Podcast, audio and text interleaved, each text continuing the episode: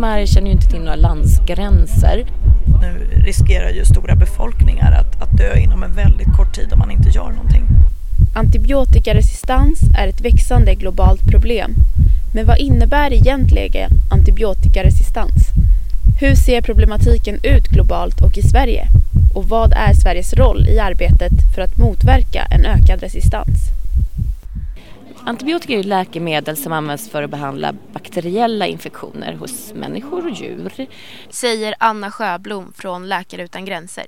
När man använder antibiotika så är det ju så att bakterierna ofta anpassar sig till antibiotika och då kan de bakterierna utveckla resistens mot det läkemedlet.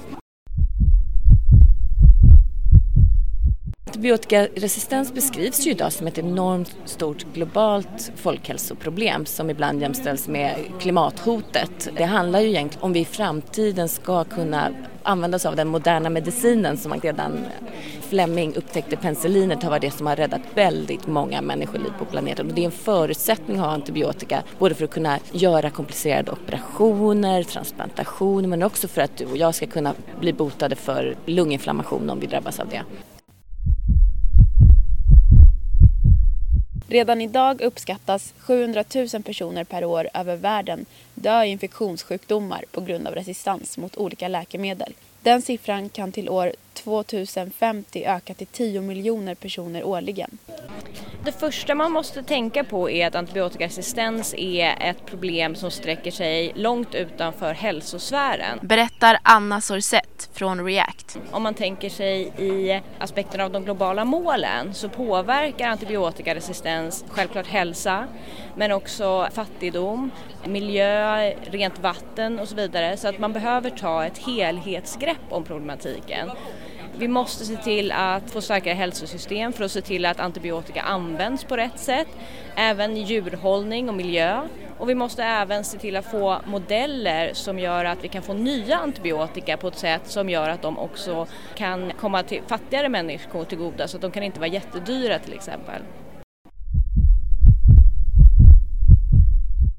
Sverige har en jätteviktig roll både som opinionsbildare men också för att visa på vad man kan göra. Vi har ju väldigt låga eh, nivåer av antibiotikaresistens här i Sverige som tur var men det är ju ett långsiktigt arbete som har pågått. Så att göra ännu mer för att se till att det här kommer in även som en biståndsfråga så att man genomsyrar annat arbete med miljö och vatten och så vidare eh, med antibiotikaresistensfrågor som man gör till exempel med klimatfrågan. Som i många andra globala problem är det de fattigaste som drabbas hårdast. Jag jobbar ju för Läkare utan gränser och vi är en humanitär organisation som är verksam ungefär i 60 länder i världen idag och vi ser ju antibiotikaresistens överallt i stort sett där vi arbetar. Säger Anna Sjöblom från Läkare utan gränser. I våra undernäringsprogram i Niger hos svårt sjuka små barn där har i stor utsträckning resistens. Vi ser det också i våra sjukhus som vårdar eh, krigsskadade i Syrien. Den eftervården efter operationer blir väldigt komplicerad när antibiotika inte biter på de bakterierna. Vi ser det också i, i, eh, inom tuberkulosarbetet så har vi enorma problem med multiresistent tuberkulos idag. Det är en, en väldigt svår sjukdom, väldigt svårbehandlad. Problemet är ju till exempel med resistent tuberkulos att det finns väldigt få effektiva läkemedel och att det, den forskningen har ju släpat efter något enormt. Vi har fram två nya läkemedel de senaste 50 åren. Behandlingen tar lång tid så du, patienter behöver ibland ha behandling över två år. Enormt plågsamma biverkningar av medicinerna. Och det här är egentligen ett resultat av att det har varit ett icke prioriterat forskningsområde och att det systemet för forskning och utveckling av nya läkemedel eh, som bygger egentligen på att kostnaderna för forskning och utveckling ska hämtas hem med att man kan sälja mycket av läkemedlet och till höga priser. Det fungerar inte på att få fram nya antibiotika. Många aktörer menar att det inte gjorts tillräckligt mycket på forskningsområdet. Lauen Redar, socialdemokratisk riksdagsledamot, menar dock att Sverige gjort många satsningar på forskning men att vi måste göra mer. Alltså det första man måste jobba med det är ju alltså kännedomen om att det här är ett allvarligt världsproblem. Alltså, årligen dör uppemot två miljoner människor i relation till fattigdomens sjukdomar som är aids, tuberkulos.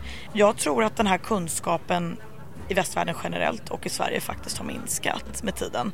På 90-talet hade vi en oerhört stor kraftsamling biståndsmässigt för att kunna genom utvecklingsbistånd satsa på forskningen i Sverige för att kunna bidra till de länder som drabbas kraftigt av fattigdomens sjukdomar. Och den här agendan har ju inte ersatts men i debatten upplever jag eh, kommit i skymundan i relation till den nya debatten om klimathotet och satsning på kvinnor och barn världen över. Och det här är inte negativt men det ena får liksom inte utesluta det andra. Så vad vi gör i Sverige det är att vi satsar på forskning för det är det som är vår styrka. Vi har en fantastisk forskning kring just multiresistenta bakterier.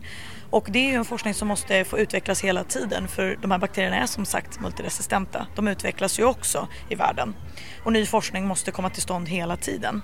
Den här typen av forskning ska ju framförallt nå de länder som drabbas och det måste gå hand i hand med den generella fattigdomsbekämpningen. Vi vet ju att Sverige till exempel drabbades av kraftigt av tuberkulos i början eller slutet på 1800-talet och det berodde ju på att vi inte hade den typen av avloppssystem vi har idag. Vi hade inte tillgång till rent vatten, bostäderna var undermåliga och det gör ju att bakteriespridningen sker väldigt, väldigt snabbt.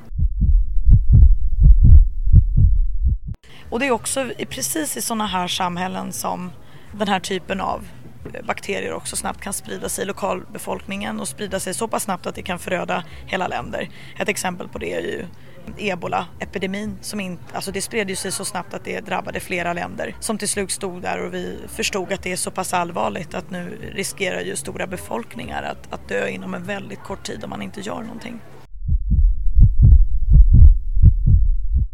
Så vårt stöd måste ju ske genom fortsatt forskning med anslag i, i biståndet givetvis och genom att vi från Sverige skickar forskare dit, läkare dit på plats eh, och riktar oss in till de länderna som, som behöver det här. Och en ytterligare faktor som man måste ha med sig det är att många av de här ekonomiskt marginaliserade länderna har ju såklart också läkare och forskare. Men i brist på en, en stark ekonomi och utveckling så är det ju så att de här, många av de här läkarna tvingas dessvärre att lämna länderna eller har inte de resurserna som krävs och åker runt i världen och propagerar för att vi ska liksom, satsa på eh, att bekämpa den här typen av sjukdomar där på plats. Så att att svenska läkare finns där, att internationella läkare finns där kan ju också bidra till att vi rustar upp läkare i de länderna för att kunna vidareutveckla arbetet.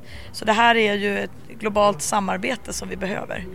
Ehm, men att vi prioriterar de länderna är ju en alldeles självklarhet för Sverige. Det har vi gjort under en lång tid. Antibiotikaresistens är ett brådskande problem som måste arbetas med gränsöverskridande. Även Sverige, trots än så länge små problem med resistens, måste ta ansvar. Men gör Sverige tillräckligt? Nu ska jag vara lite kritisk och säga att nej, det tycker jag inte. Jag tycker att man har fått upp ögonen efter ebolaepidemin. Och dessvärre så är det ju så att alltid så är det en krissituation som gör att man får upp ögonen återigen kring en väldigt aktuell fråga. Jag tycker att kunskapen finns i Sverige. Det finns eh, inte minst ett universitet i Karolinska institutet som har haft den här typen av forskning i över 30-40 år. Men den allmänna kännedomen i Sverige borde förstärkas och det tror jag kan vara grogrunden för att regeringen och politiker generellt liksom tar det här på allvar. Men jag tycker också att eh, kunskapen har ökat med tiden, ja. Framförallt efter epidemin. Antibiotikaresistens är ett globalt problem. Därför behöver länder och internationella aktörer arbeta tillsammans för att hitta hållbara lösningar. Under 2015 antog Världshälsoorganisationen en global handlingsplan för hur medlemsstaterna ska arbeta mot antibiotikaresistens. Och det är bara ett i raden av initiativ för att försöka hitta en lösning på problemet. Men är det här tillräckligt? Den här podcasten är gjord för biståndsdebatten av Marie Karlsson, Marcia Munoz och Sara Holmberg.